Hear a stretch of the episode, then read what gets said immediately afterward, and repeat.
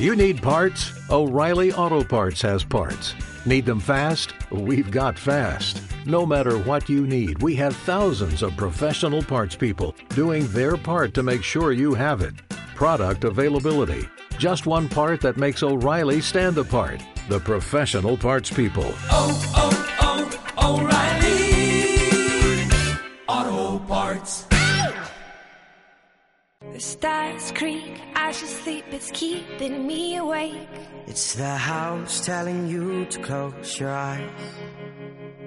And soft days, I can't even trust myself. It's killing me to see you this way.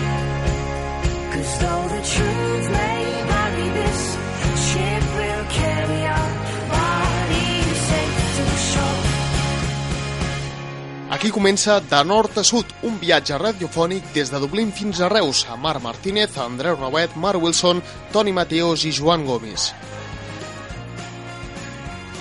Hola, què tal? Avui comença aquesta gran aventura, un espai radiofònic imaginat en una bodega cèntrica de la capital irlandesa, mentre un servidor, un reusenc de tota la vida, observava els nombrosos barrils de la Guinness, la cervesa més consumida de tota la república. No us en faríeu creus.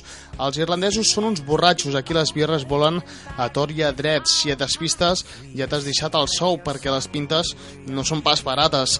Però gràcies a ella, la Guinness, la cervesa, milers de pubs aixequen la persiana dia i nit i donen feina a molta part de la població. Jo en sóc un exemple. Dit això, aquest programa es coordina, realitza i s'edita bona part des d'una petita habitació d'un barri del sud de Dublín anomenat Temple Oak. Entreteniment, curiositats, esports, cultura, reivindicacions i actualitat de Dublín, Irlanda, Reus i Catalunya. És tot el que podeu trobar en els pròxims minuts. Un micròfon, un programa d'edició gratuït i moltes ganes de gresca. Esperem que gaudiu.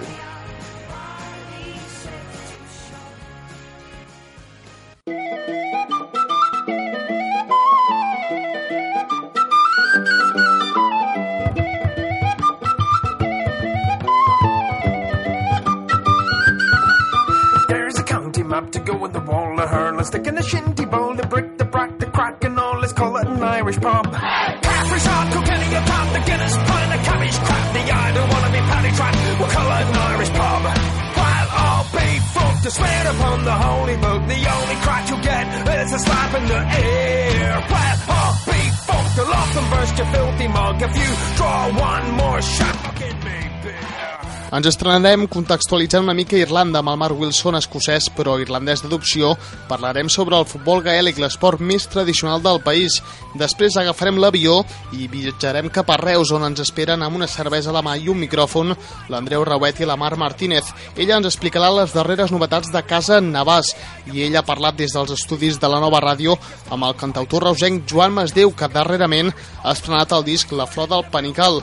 A la secció de reivindicacions hem conversat amb una jugadora del juvenil B de la Fundació Futbol Base Reus, la Laia Tobias. El conjunt roig i negre es va enfrontar a un equip irlandès els darrers dies i això, als de nord a sud, ens encanta. I per rematar el programa, el company Toni Mateos afegirà humor i intensitat amb un magnífic monòleg sobre Franco, un dels temes més sonats els darrers dies. Què dir que els darrers dies, els últims 40 anys, des de la seva mort. Sense donar més detalls, comencem. Ens irlandem. Irlanda és un país magnífic, ple de natura, és per això que se l'anomena l'illa Esmeralda. Es va independitzar del Regne Unit el 21 de gener de 1919, ara fa 100 anys la república es va oficialitzar després de l'aplastant victòria electoral del partit polític Sinn Féin el 1918. Cal dir, però, que el 1916, dos anys abans, bona part de la població irlandesa va protagonitzar l'aixecament de Pasqua liderat per al grup paramilitar IRA, l'Irish Republican Army. L'aixecament de Pasqua va ser una rebel·lió contra el Regne Unit i també es va proclamar la república però els britànics no la van aprovar i van respondre amb contundència. Tot i el nombrós sentiment nacional i antibritànic que respira el país, algunes costums britàniques perduren a Irlanda. És per això que nosaltres doncs, hem seleccionat alguns d'aquests exemples. Per exemple, doncs nosaltres el que volem dir per començar és que els irlandesos també condueixen per l'esquerra i el volant dels automòbils està a la dreta. Heu d'anar molt en compte en creuar el pas de vianants si algun dia hi viatgeu, però en canvi la mesura de longitud que utilitzen és el quilòmetre i no la milla com ho fan els anglesos. També en clau de circulació els irlandesos utilitzen autobusos de dos plantes per al transport urbà, eh, però no són de color vermell com els de Londres, per exemple, sinó de color groc. Potser és una picada d'ullet a la societat catalana independentista. Que no s'enfadin els espanyols i declarin la guerra a un nou estat. Ja en tenen prou en feina en arrencar llaços grocs. Ui, ui, ui, esperem que no ens censurin el programa. De moment encara no hem dit presos polítics o ja sí. De fet, el nexe Irlanda-Catalunya no està tan lluny. Irlanda és una república i bona part dels catalans també la volen construir. Eh, però no entrarem més en política, que no és pas l'objectiu d'aquest programa. Eh, més eh, curiositats. Irlanda és el bressol del whisky. El seu nom prové del terme Ushebeaza del Gaelic, una llengua celta, la que es parlava abans que els anglesos eh, conquerissin Irlanda. Whisky significa aigua de vida. Ara entenc perquè hi ha tants borratxos, demanen una aigua i els serveixen whisky, vinga, alegria pel cuerpo. De fet, whisky és l'única paraula que els anglesos han adoptat del gaèlic. En un altre programa ja ens endinsarem amb el gaèlic, però com diria en Pujol, avui això no toca. Els anglesos van inventar el futbol el 1863, segons data l'estimada Wikipedia. Eh, però els irlandesos poden dir amb el cap ben alt que abans van crear el futbol gaèlic i que el futbol o el soccer és una actualització del seu esport. El futbol gaèlic, datat al segle XVIII, va ser un dels passatemps de la comunitat celta establerta al territori que avui dia es coneix eh, com Irlanda. El futbol gaèlic és l'esport amb més seguiment a Irlanda i per parlar-ne de tot plegat teníem amb nosaltres el Mark Wilson, un escocès que fa moltíssims anys que viu a Irlanda, de fet 20, i que em fa molta il·lusió que col·labori amb el programa perquè gràcies a ell visca a Irlanda i per tant de, de forma indirecta doncs ha donat peu a aquest uh, programa. Mark Wilson, com estem? Amb ganes de, de ràdio? Hola amigo, ¿cómo estás? ¿Qué tal? Pues nos aventuramos a este proyecto, esta aventura radiofónica y que contigo pues cada semana eh, repasaremos eh, alguna curiosidad de, Irlanda. Hoy toca hablar sobre el fútbol gaélico. Sí, sí. Aquí, fútbol gaélico es muy popular. En cada área eh, tienen club.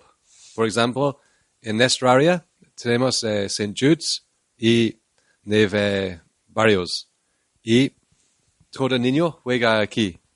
Y los mejores jugadores juegan para su pueblo. Por ejemplo, aquí los mejores eh, para Dublín. Es lo mismo en cada pueblo de, eh, de Irlanda. Sí que he leído que es una mezcla entre fútbol, el soccer, que como se le llama aquí el fútbol, el rugby y balonmano. Es una mezcla de estos deportes y que los jugadores de un equipo y otro tienen que introducir la pelota dentro de la portería para puntuar a largo de 70 minutos de juego. Eh, pues qué mejor que, que tú, un irlandés, para contarnos sobre el deporte más tradicional de, de esta isla. Eh, este deporte como decía en la introducción, nació en el siglo XVIII, creado por los celtas irlandeses y que dio origen posteriormente al, fútbol y a otros deportes eh, citados. Cuéntame también cuántas personas asisten al estadio en cada partido normal y también un poco cómo, cómo- es la, competición y qué, competición es la más importante aquí del- sobre el, el fútbol gaélico. Sí, fútbol gaélico es muy popular para la gente. Por ejemplo, eh, los clubes local, locales eh, puedes tomar o tienen 3.000 personas eh, mirando un partido en, en sus áreas. Pero para la liga, más o menos 10.000 personas. Pero para la copa, es más importante eh, que cosa ganar. Eh, 80.000 personas. Para los finales, semifinales, y en otros partidos 40 mil personas, 50 mil personas, muy popular. Y es muy raro aquí porque los jugadores eh, juegan para gratis, sin cobrar. Em, entonces, eh, toda persona juega para su amor del eh, deporte y no para dinero. és, és molt destacable el que està dient el, el Mark Wilson, que el jugador juguin de, de gratis i, i que sigui més important també la, la Copa que la Liga. Marc, cuéntanos por qué es más importante la, la Copa que, que no la, la Liga. Es historia. Eh, juegan en fútbol gaélico para la Copa Sam Maguire. Es el hombre de Irlanda desde 100 años antes juegan para su copa. Y para la liga juegan en enero, febrero, marzo y abril. Pero solo más o menos, máximo 10.000 personas a las finales. Pero la copa eh, comienza en mayo hasta agosto. Y en cada ronda más y más eh, personas. En los primeros eh, hay tr- 34 equipos, eh, 32 eh, pueblos de Irlanda con Londres y Nueva York. Y hay cuatro grupos con ocho equipos. Los dos mejores van a cuartos finales y después eh, hasta el final. Es, eh, es muy curiosa. Sobre césped, cada equipo tiene que 15 jugadores. Quizás la diferencia más grande con el fútbol es que se utilizan las manos para avanzar o pasar la, la pelota. Cuéntanos un poco el, el reglamento, Marc. Sí, las reglas es, es muy similar a los eh, goles, es muy similar al rugby, Em, pero es tres puntos para un gol y un punto para la eh, pelota eh, encima el bar. Es más o menos eh, la gente van para un punto. Eh, durante los partidos muchas veces no hay goles, pero algunas veces uno o dos goles. Pero normalmente los jugadores van para un punto. Es, entonces hay muchos eh, marcadores, es mucho más eh, mejor a ver. Es mucho, mucho acción. Per, per fer-vos una idea de, del que serien les porteries, són com una porteria de futbol, però a més tenen els pals del rugbi. I llavors poden decidir els jugadors d'un altre equip si volen introduir la pilota en els pals de dalt o la porteria com si fos la de futbol. La porteria de futbol, si s'anota allí, són 3 punts i si s'anota la pilota per sobre, doncs és un sol punt perquè és més fàcil, eh, de certa manera, doncs, doncs introduir la, la pilota allí. Más normas, Marc, cuéntanos un poco más de normas. Ahora decíamos que se puede eh, utilizar las manos para jugar. ¿Y por qué? Cuéntanos un poco esta, esta curiosidad. So puedes eh, usar eh, sus manos a pasar el balón, a correr con el balón, pero eh, con el balón, eh, pelota en eh, su- sus, eh, sus manos, eh, solo puedes que tomar solo tres pasos sin botar la pelota. Es, es, sí, esto. Esta, esta regla podríamos decir que es también la que se utiliza en el handball, en el, en el balonmano.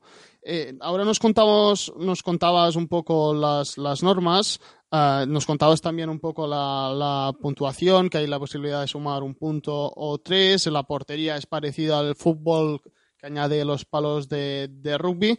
Eh, y el fútbol, el, el fútbol irlandés está organizado por la Gaelic Athletic ah, Association. Eh, ¿Cuántos eh, eh, equipos hay en la máxima categoría? También nos lo has contado. Hay 40, hay, perdón, 32 equipos para la liga, 34 equipos eh, para, para la Copa, que es el, título más importante. ¿Qué equipo tiene más, más títulos de, de liga? Sí, eh, es un equipo del sur, eh, se llama Kerry. Eh, juegan en el sur y tienen 37 eh, copas. El segundo equipo es Dublín. Tenemos eh, 29. Pero eh, Dublín, eh, campeones de los últimos cinco años. Y Dublín tienen los, eh, el mejor equipo en estos momentos. Em, diez años antes eh, ponieron mucho dinero eh, a los niños a comenzar toda cosa para el futuro. Y ahora Dublín es mucho más eh, mejor que los otros equipos. Podríamos a- hacer un símil con el Barcelona de fútbol que construye muy buen fútbol base. Por, por ejemplo, tienen su masía y allí construyen los jugadores. Pues eh, aquí en Dublín lo, lo mismo. Sí, claro, el fútbol base aquí en Dublín es mucho mejor que los otros pueblos en eh, el país. Pero, pero en Dublín tenemos mil, eh, million personas, entonces tenemos mucho más personas y mucho más eh, clubs, entonces mucho más eh, jugadores, y ahora tienen los mejores jugadores. Ahora nos decías que en la Copa, que es el, título más importante del fútbol gaélico, hay equipos de, de otros sitios del mundo, como está un equipo de, de Londres y un equipo de Estados Unidos, de, de Nueva York. El fútbol gaélico pues no solo se encuentra en Irlanda, es una realidad, sino que ha traspasado fronteras y ha llegado principalmente a Estados Unidos, como decíamos, Reino Unido, donde hay una gran comunidad de migrantes de origen irlandés. Pero también ha llegado al territorio español. Por ejemplo, la comunidad autónoma de Galicia hasta tiene selección de, fútbol gaélico. Cabe recordar que en ese territorio los celtas, como eh, Irlanda, expandieron su cultura en la edad de- del hierro. Eh, el fútbol gaélico también ha llegado a Cataluña, Madrid, Valencia, Andalucía y Navarra. Es bonito, ¿no, Marc, que, este deporte tradicional irlandés llegue a otros países? Sí, es muy importante la gente aquí. Creo que cuando eh, van a eh, otros países, el, fútbol es más importante la gente. Entonces, eh, comenzaron eh, clubs en otros países. Por ejemplo, yo sé de clubs en Australia, Nueva Zelanda, Alemania, Inglaterra, Unidos Estados, en Sudamérica también. Creo que en todo el mundo, en un país hay un club de deportes gali- galicios. Hablábamos también de, de las aficiones. A mí una cosa que, que me hace más gracia o que, que me resulta también que, que me impacta es que los aficionados eh, visten los colores de sus equipos con sus camisetas y utilizan unas bufandas para, para la muñeca. Utilizan unas bufandas para la muñeca. Eso yo no lo había visto nunca en, España y en ningún otro deporte. Eh, es, es curioso. Sí, es, es, es muy importan- importante los pueblos a la afición. Pero en el estadio, cuando están juntos, eh, están en la misma área, no separado. Pero nunca hay problemas. Es toda personas para el deporte. Así que la, gente, y como, como ha dicho Mark, la gente de los diferentes equipos se respeta mutuamente cuando están en el estadio de fútbol. Marc, eh, muchas gracias eh, por, por explicarnos sobre el fútbol gaélico, por darnos esta lección y el próximo programa pues hablaremos de, de otra curiosidad de Irlanda. Muchas gracias. Sí, gracias, amigo, gracias.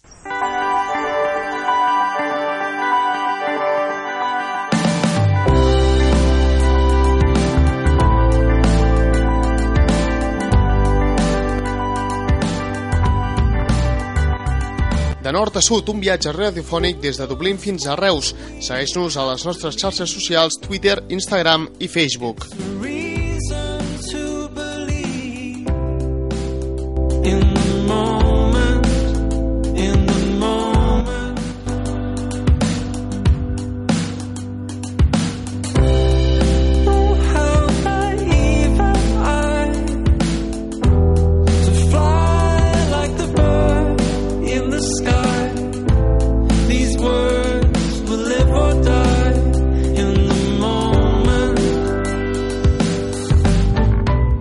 tampoc pretenem és que en un sol programa conegueu totes les curiositats de Dublín i Irlanda. És per això que és moment d'agafar l'avió. Ens desplacem de nord a sud, de Dublín fins a Reus, on hi ha l'Andreu Brauet i la Mar Martinet, que ja tenen ganes de donar la seva veu per primera vegada en aquest programa. Mar, benvinguda, com estàs? Som amics des de fa anys i començar aquesta aventura m'il·lusiona moltíssim. Doncs a mi també m'il·lusiona moltíssim participar en tu en aquest projecte en el que estem tan lluny de quilòmetres i a la vegada tan a prop sentint-nos aquí mateix. Andreu, ens retrobem en un programa radiofònic, ara des de la distància, però molt connectats. Doncs ja som als estudis de la nova ràdio amb en Joan Masdeu i primerament doncs dir-te Joan, a l'altre Joan, el Gomis, no ens confonguem de, de Joan, que gràcies per comptar amb mi per aquest projecte. Un projecte que avui comencem amb una entrevista potent. Però abans de l'entrevista, el Joan Masdeu toca reconèixer positivament, donar un toc d'atenció i criticar algun personatge o entitat del nostre territori.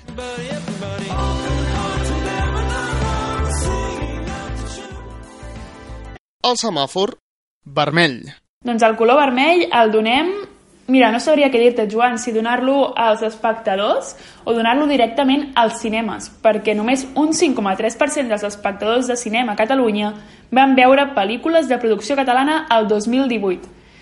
Aquí directament jo crec que donaria el color vermell per tots dos, perquè som nosaltres els que anem al cinema i triem la nostra oferta de pel·lícules i a la vegada també són les productores catalanes les que ens han d'oferir les seves pel·lícules. Per tant, semàfor vermell intentem arreglar-ho el més aviat possible. Taronja. En taronja hem seleccionat a Dolors del Mar Vázquez, la regidora de Seguretat de l'Ajuntament de Reus. Aquesta setmana s'han produït una sèrie d'aldarulls importants a la capital del Baix Camp, com la crema intencionada de contenidors al barri Fortuny el darrer dimarts i divendres o l'agressió en grup que van patir tres vigilants de seguretat de Renfe a l'estació de trens de Reus el passat diumenge.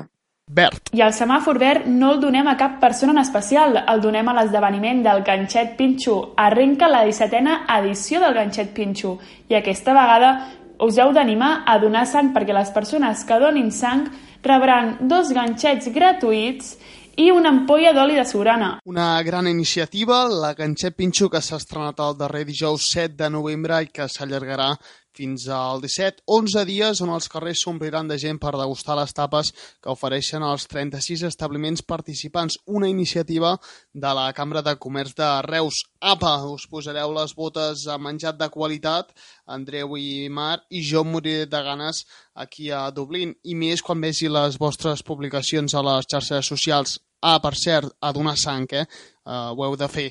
Quina enveja, ja només uh, per això jo us dono el semàfor vermell a vosaltres dos. Sort que la sogra de tant en tant envia productes de la terra aquí a Dublín. Reus als meus peus i el teu cap marcada tom de rebels vermuts a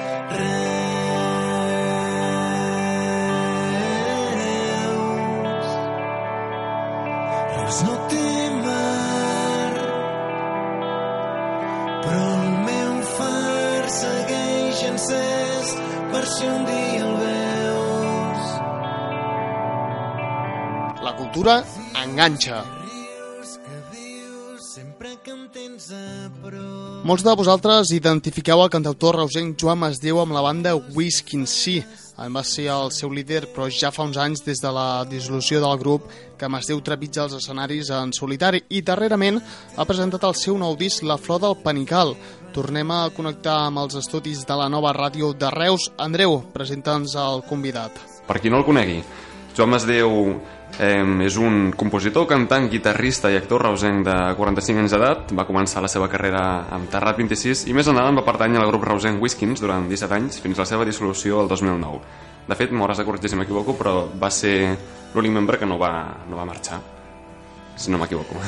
Uh, bé, vaig ser l'únic membre de l'inici al final, Al final. durant tota la trajectòria, Correcte. sí. Fundador i, i plegador de veles. Correcte. Ara sí, comencem, comencem pel principi. Bona tarda, Joan, com estàs? Bona tarda, què tal? Doncs primerament dir-te gràcies per eh, atendre la nostra trucada i venir a, als estudis de la nova ràdio per fer aquesta entrevista. Un plaer.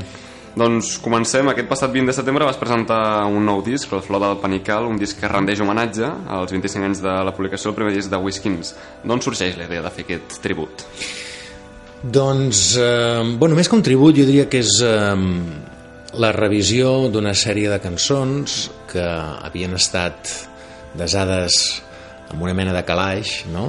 durant aquests 10 últims anys, és a dir, des de que el grup, el grup va, va plegar el 2009 fins ara, i que jo amb aquests 10 anys eh, doncs he fet tres discos en solitari i suposo que quan poses punt i final amb, amb una etapa eh, és normal que te'n distancis, entre altres coses, perquè el que pretens és encetar una etapa nova, no? I aquest va ser el meu cas.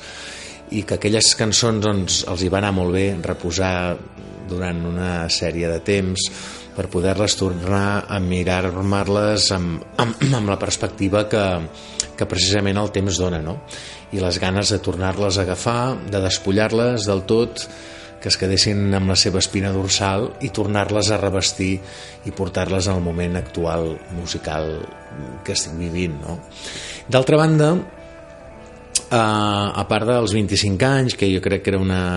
25 anys el primer disc de Whiskins, que era un moment doncs, eh, bastant idoni per recuperar aquestes cançons i, i tornar-les a revisar. Um, dic, d'altra banda, amb el meu company, el guitarrista que m'acompanya de fa 4 o 5 anys, estem fent un espectacle en directe de petit format fa 4 o 5 anys ja, perquè la conjuntura actual t'obliga de vegades a que produeixes els discos amb tota una banda, però si vols treballar tot l'any t'obliga a, a simplificar-ho i nosaltres tenim un, un, un segon espectacle reduït, acústic, de petit format, de duet, i jo tenia una mica l'espina clavada de voler gravar un disc amb aquest format. Així que van conjugar molt bé aquests 25 anys més les ganes de voler oferir un disc amb, amb aquest format i vam escollir 10 cançons de tota la discografia de Whiskins i les vam tornar a revisar hi ha moltes d'elles que els hem donat un tom de 180 graus per poder aportar doncs, alguna nou al, al 2019 no?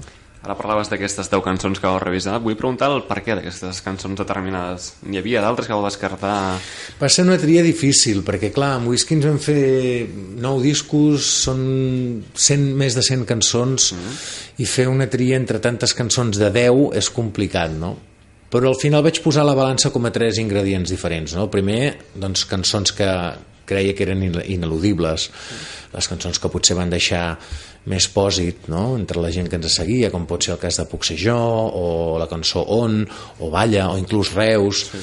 I n'hi havia d'altres que potser havien quedat més amb una segona amb una segona estadi, que eren cançons que potser no van ser singles, que potser no, no van ser tan conegudes, però que d'una banda a mi m'agradaven i per altra banda eren cançons que potser eren més eh, cedeien més el format que volíem fer, és a dir, la naturalesa ja de la cançó ja cedeia més amb el projecte que teníem al cap a nivell de producció musical. No?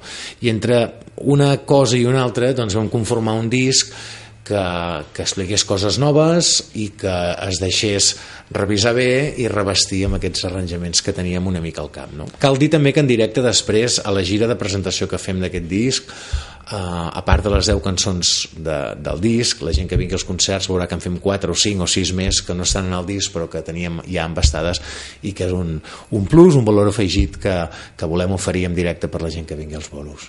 La flor del panical és el mm. nom del nou disc. D'on prové aquest nom? La flor del panical és el que en diem també mm, el card, el cardo borriquero, val? que és un nom eh, potser menys literari, però que és la mateixa planta. I és una planta que ja d'imatge és una planta potent, perquè és, és hexagonal, és mm, abrupta, és, té força, no? Uh, I és una planta que a part de tenir propietats medicinals, també és el títol d'una rondalla, la flor del panical, que ens explicava a mi al meu germà la nostra padrina quan érem petits, que ella provenia del món rural, i era una llegenda, una rondalla que s'explicava al camp i que en definitiva um, o resumint, el missatge és un missatge de renaixença, no? d'un rei que té dos fills, que els envia a buscar a la flor panical per guarir doncs una, una, un mal incurable que ell té i que el fill eh, que trobi aquesta planta doncs heretarà el regnat, la troba el fill petit, el gran per enveja se n'assabenta, el mata, l'enterra i allà on l'enterra i creixen unes canyes i un pastor un dia que està passejant per allà encull una i el se'n fa una flauta amb aquella canya i al tocar-la doncs surt una melodia que explica, amb una lletra que explica el que ha passat no? això arriba a les orelles del rei el rei va al lloc on s'ha doncs, eh, donat eh, sepultura en el fill petit el desenterra i en el moment que el desenterra el fill petit reneix, reviu, ressuscita i llavors hereta el regnat i el fill gran és castigat. No? En definitiva, com deia, era una història de renaixença que establint aquesta alegoria o aquest paral·lelisme doncs, m'anava molt bé metàfora, no? de, amb, exacte, el renaixement d'aquestes cançons jo acostumo a, a tirar d'aquestes um, um, rondalles o imatges de la meva infantesa, perquè ja, surt, ja, ja ha passat en diverses cançons, no? i que suposo que és el que em dona una mica al terra de, de, de, de, de dels orígens d'un, no? i en aquest cas doncs, ha sigut aquesta, aquesta rondalla. Al nou disc hi participen artistes de renom com Gerard Quintana, Ben Rodergas, Roger Mas i Ramon Rodríguez. Ha sigut mm -hmm. difícil coordinar-los a tots per aconseguir posem d'acord per gravar el nou disc? Bueno, aquests tipus de col·laboracions sempre es sotmeten a la disponibilitat de, dels artistes i a vegades les agendes no sempre um, es compatibilitzen en un mateix moment i en una, i, i en un mateix lloc, no? Però, però la veritat és que, és que finalment ho vam quadrar perquè poguéssim venir cadascun d'ells i ha sigut un regal i la veritat és que amb ells, amb cadascun d'aquests artistes ens coneixem de fa uns anys, hem compartit escenaris amb alguns d'ells, amb altres ens coneixem i tenim una certa relació i en qualsevol cas són quatre artistes que jo admiro molt i que s'han vingut eh, a donar doncs, eh, la, la seva personalitat amb aquestes cançons i entre els arranjaments que vam fer nous a les cançons i la seva participació jo crec que hem aconseguit sobretot amb la participació de cadascun d'ells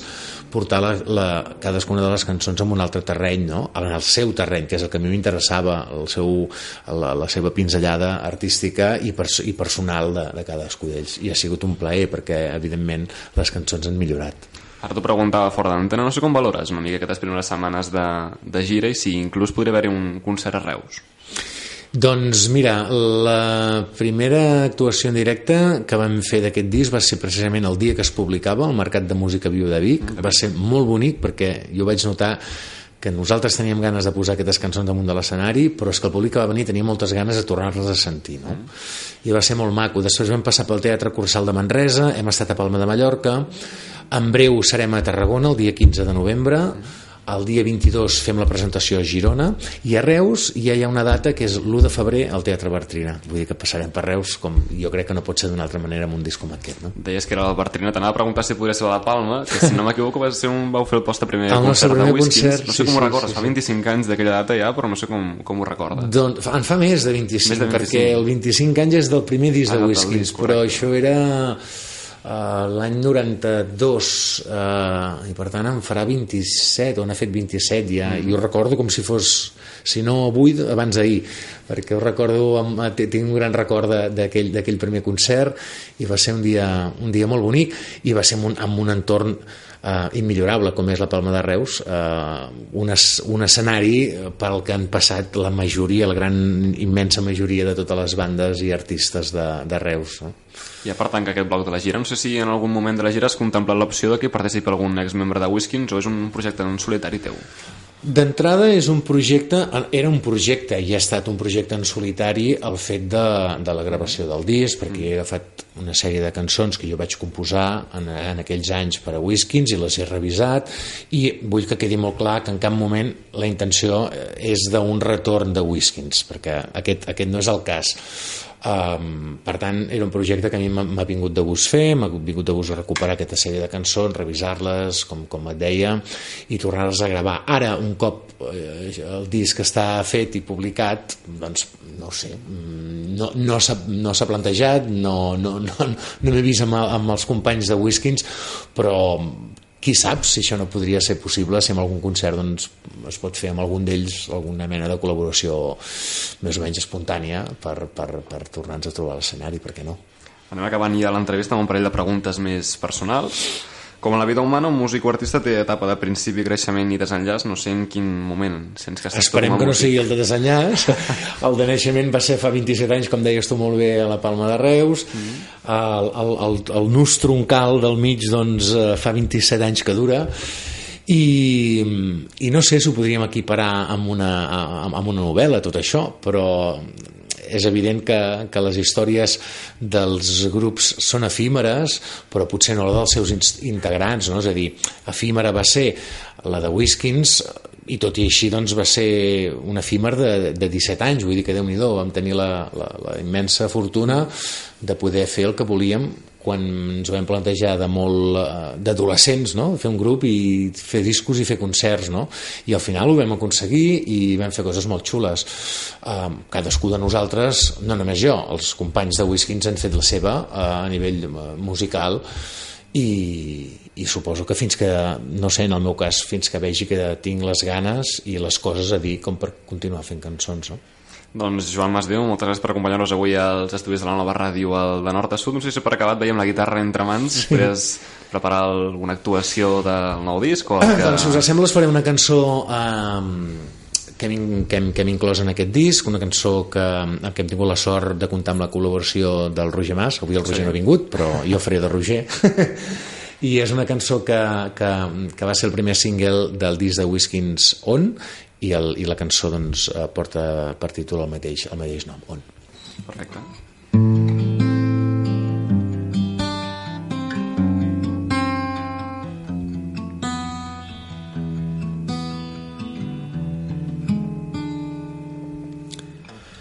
On caigui la vena que tapa on pagui la pena deixar-se la pell salvar el coll on morin per sempre els fantasmes on tornin a néixer les ganes on fer o algun lloc on passar pel pas del temps on demà aniré si trobi forces per nedar contracorrent on no haver de guardar la roba on ser valent.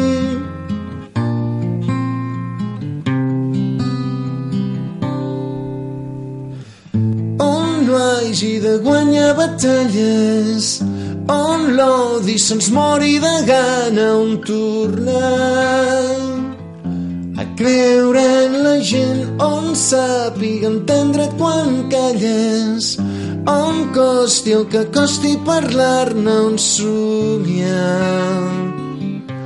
No costi gens on trobi forces per nedar contracorrent on no haver de guardar la roba on ser valent on trobi forces per nedar. Contracorrent on no haver de guardar la roba on ser valent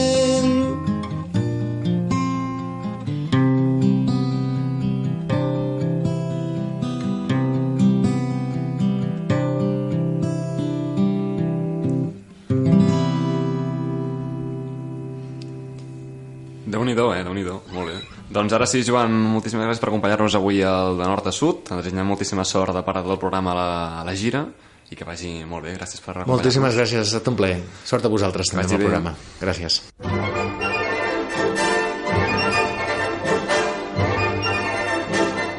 De nord a sud, un viatge radiofònic des de Dublín fins a Reus.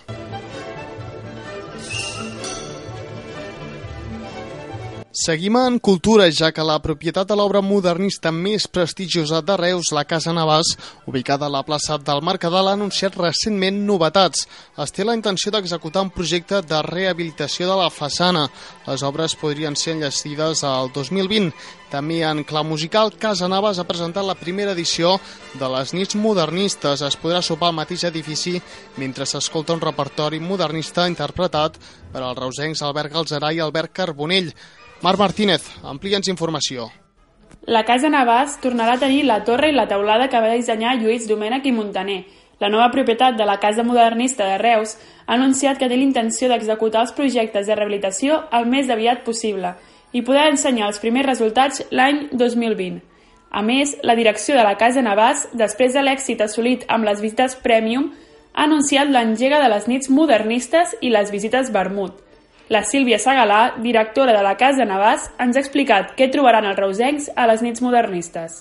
Inclouen la visita guiada a la Casa Navàs i en acabar la visita es, es gaudeix d'un concert modernista, un garbuix duet o en altres ocasions serà el duet Miró, perquè volem anar intercalant per si hi ha gent que vol repetir l'experiència. A banda la música en directe, com dèiem, soparem, serà un sopar a peu dret i tindrem l'oportunitat de, de degustar per primera vegada, ho vam estrenar la setmana passada, un vi que porta el nom de Casa Navàs. És el Secrets de Casa Navàs, que és un vi elaborat pel, pel celler Clos Galena, amb qui ja hem col·laborat anteriorment. Per aquells que no són nocturns, també hi ha les visites Vermut. La gent que vulgui, la visita la de la una del migdia, doncs el que farà és agafar el tiquet en lloc d'agafar el tiquet normal, el, el tiquet general, el que farà és comprar un tiquet específic per la visita Vermut. És meravellós poder-se quedar una estona allí tranquil·lament, gaudint d'aquesta d'aquesta obra d'art. Eh, I en aquesta terrassa doncs, farem el vermut el cap de setmana, perquè si alguna cosa és típic de fer a la nostra ciutat és fer un vermut, no? Els vermuts que s'oferiran en les visites seran vermuts Miró. L'altaveu reivindicatiu.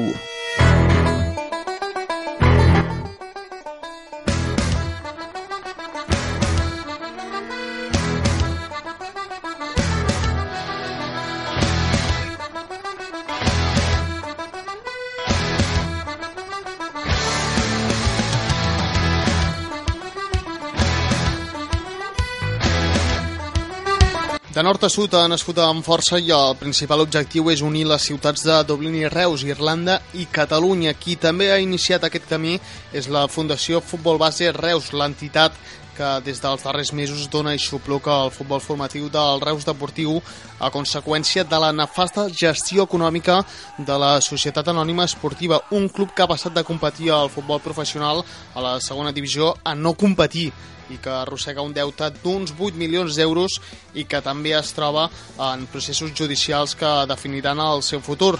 La Fundació Roig Negre compta amb nombrosos equips masculins i femenins. El femení B, que competeix a primera divisió, ha disputat els darrers dies un amistós contra el Wexford irlandès.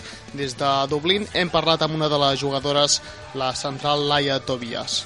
Laia, què tal, com estàs i com va aquest inici de temporada? Ja porteu algunes uh, jornades de Lliga.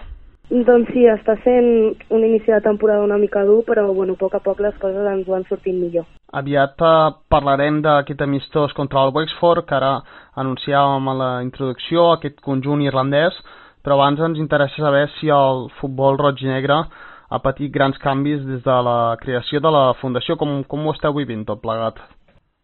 Mm, Des del meu punt de vista penso que no, o sigui, després del cop tan dur que es va patir fa uns mesos, les coses s'han sapigut remuntar i s'està fent molt bé, la veritat. Ara que parlaves de, de remuntar, en quin sentit? Ha, ha, modificat, ha modificat molt? No ha modificat? No, la veritat que les coses segueixen bastant igual, el futbol base segueix amb força, els equips són potents, tot i que les categories, per exemple, del juvenil hagin disminuït, crec que estem lluitant per, per aconseguir coses molt grans. I la Fundació està promocionant més el futbol femení que l'anterior club. Noteu que teniu un pèl més de suport? Crec que no és qüestió únicament de la Fundació, que sí que és cert que estem rebent un suport molt important, però també és veritat que la societat en general comença a recolzar el futbol femení i tots plegats ens estan ajudant molt. amb el futbol femení que més tard de, l'entrevista parlarem d'u- d'unes polèmiques uh, declaracions d'un periodista, però abans uh, centrem-nos una miqueta més i, i- i parlem en l'amistós contra el conjunt irlandès, el Wexford, que vau disputar ja fa uns dies, va guanyar 9 a 0, déu nhi quina, quina golejada, més enllà del, del resultat, en, en què et quedes de, de l'experiència d'aquest partit?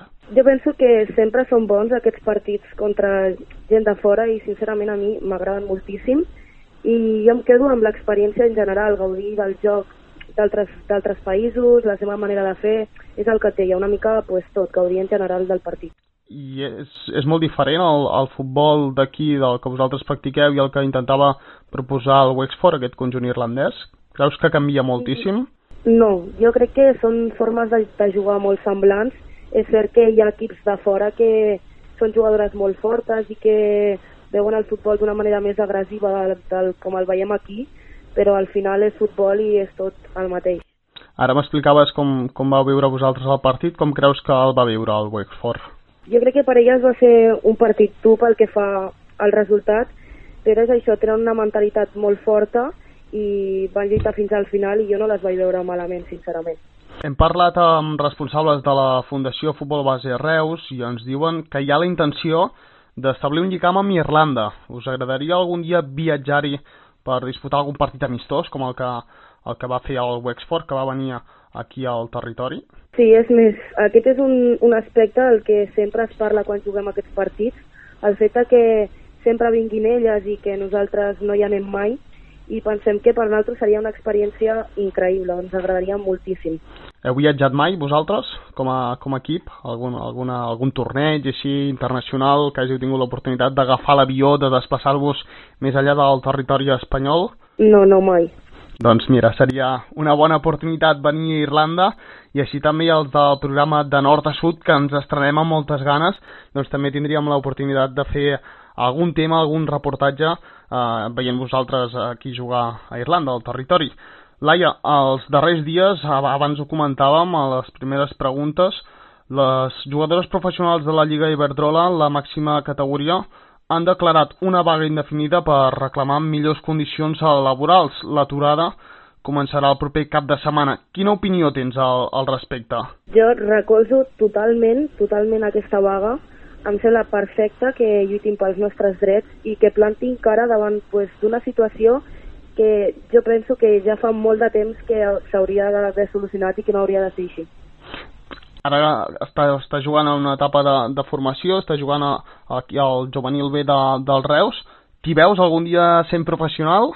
A veure, és molt difícil i s'ha de treballar molt, però és un somni que ojalà sigui realitat.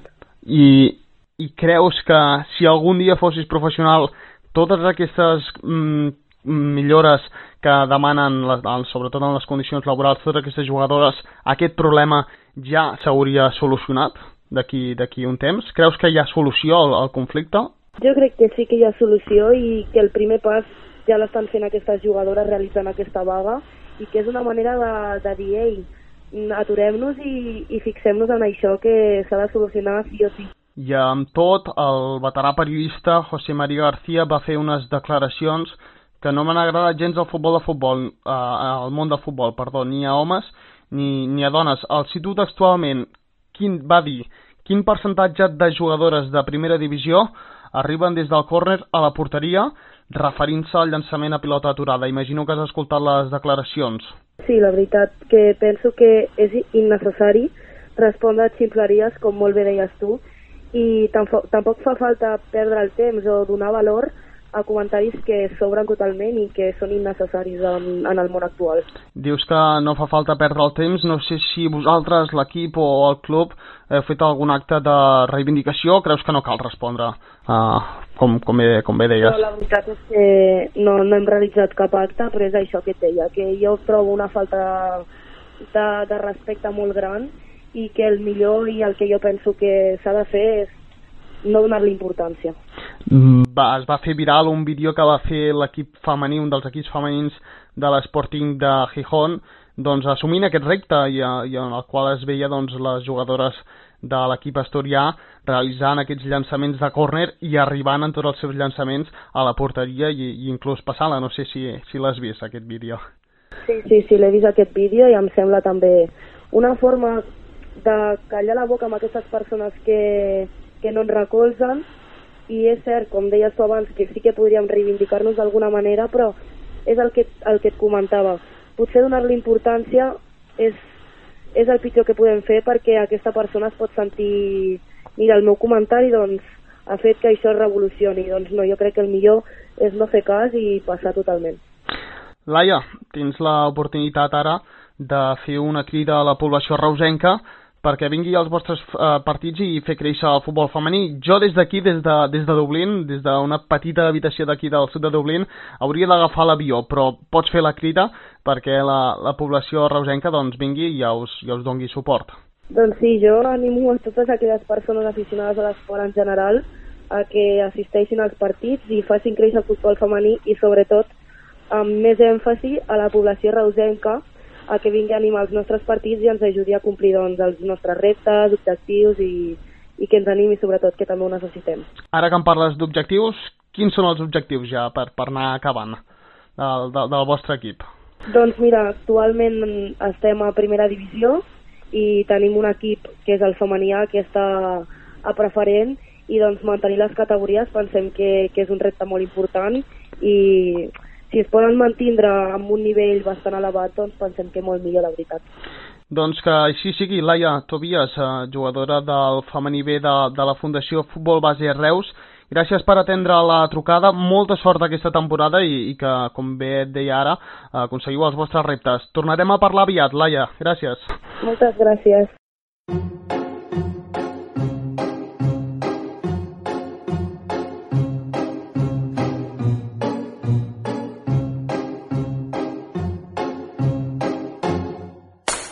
Sitting here in the boring room. It's just another rainy Sunday afternoon. I'm wasting my time, I got nothing to do.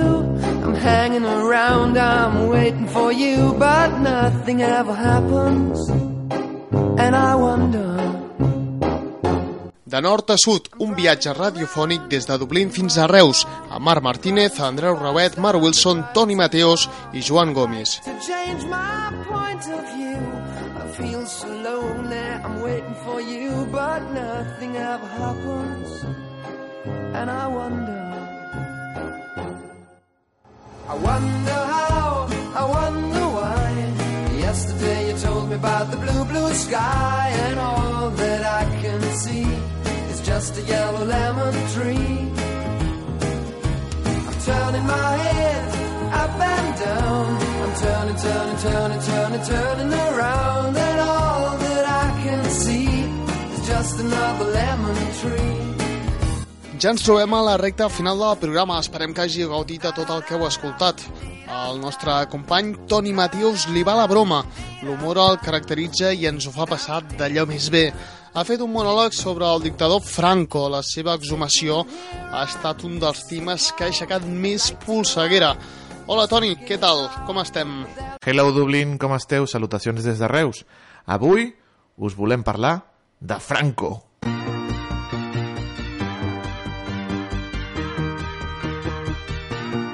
No, no, no, d'aquest no, del dolent. Aquest és el Franco Battiato, que és el bo.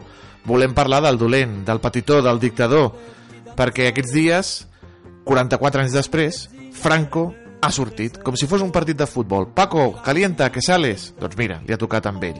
Aquests dies, Franco ha sortit del Valle. I ja sabeu que els dijous és normal que se surti a Madrid, és típic de sortir. Y Franco doncs, ha abandonat el Valle de los Caídos. La ha decidido que Franco, com si fos la Merceditas Milà, a les 12.55 del dia 24 d'octubre, amb puntualitat britànica, però amb 44 anys de retras, bueno, retras el que tenen alguns dels seus seguidors, però amb retard volíem dir, el dictador Franco ha sortit del Valle. Han aixecat la llosa de 1.500 quilos, cuidado, eh, que no sigui que ressusciti i la vulgui moure, el paio.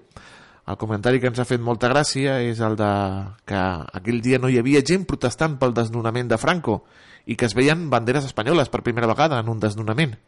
Una altra cosa que ens hauria agradat és que quan haguessin aixecat la làpida de 1.500 quilos hagués sonat aquesta cançó. ¡Arriba todo el mundo! ¡Y a bailar con Paquito, el chocolatero! Us imagineu, dublinesos, que s'aixequés la mòmia al ritme de Paquito el Chocolatero? Bé, també m'hauria agradat molt que quan s'aixequés la llosa hagués sonat aquesta cançó del Peret.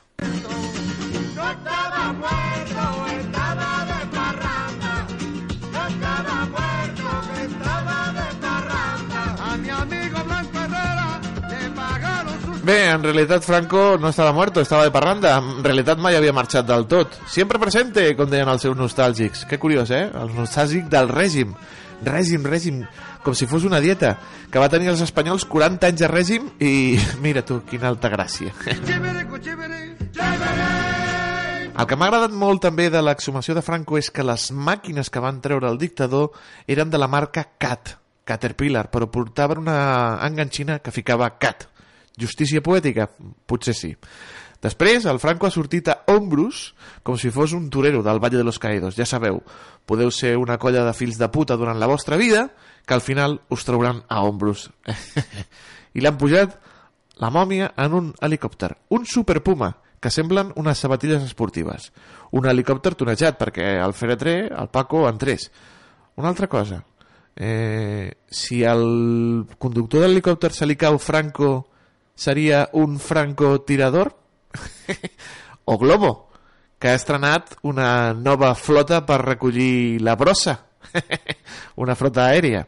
En fi, amics i amigues, imagineu-vos aixecant-se l'helicòpter al cielo de Madrid amb aquesta música.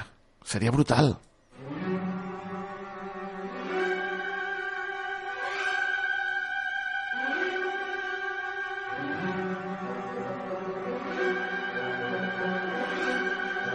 Molta gent al veure l'helicòpter sobrevolar pensava que era l'helicòpter del tulipan. Us en recordeu el tulipan? Els que tenim una edat sí que ens en recordem. El de, mmm, con leche y vitaminas, tulipan.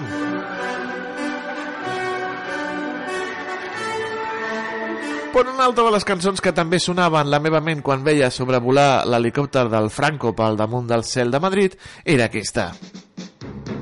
El equipo A.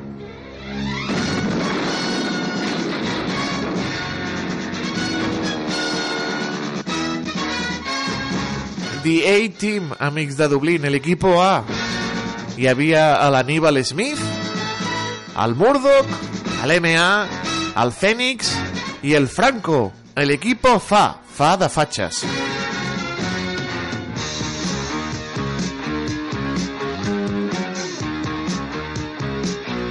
Després el Franco va aterrar al cementiri de Mingo Rubio, que a mi em fa molta gràcia aquest nom, Mingo Rubio.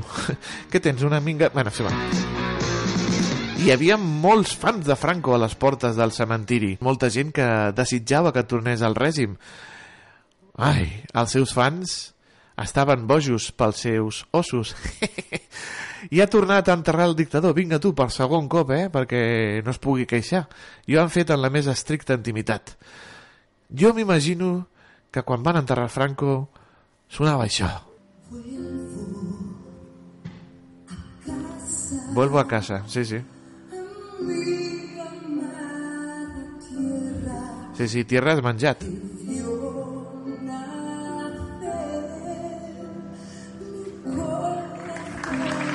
I la família emocionada diu, el himno d'Espanya. Li han posat a Mingo Rubio perquè, clar, al Valle de los Caídos feia molta ombra i aquí a Mingo Rubio pot estar cara al sol.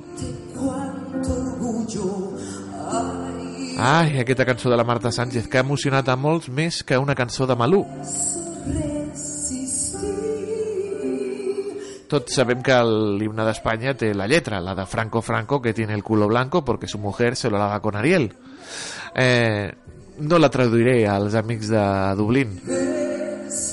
Franco Franco has de... a white ass, una cosa així més o menys.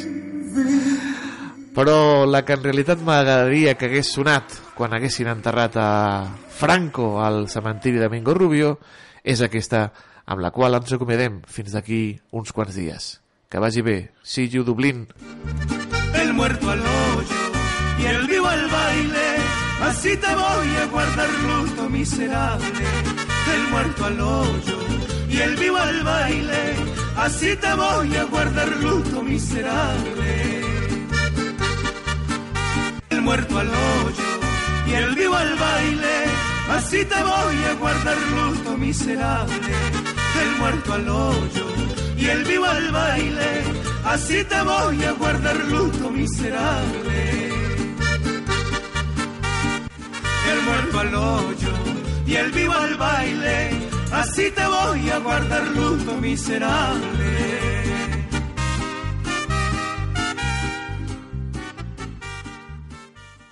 Boníssim, Toni. Doncs amb aquest monòleg els del nord a sud ja hem arribat a la fi del nostre primer viatge. Hem començat una aventura amb molta passió. Esperem que hagi gaudit de tant o més eh, que nosaltres. La setmana que ve tornarem a agafar l'avió amb més novetats. Però primer, si encara no ho has fet, segueix-nos a les nostres xarxes socials Twitter, Instagram i Facebook. Adeu-siau, vianatge.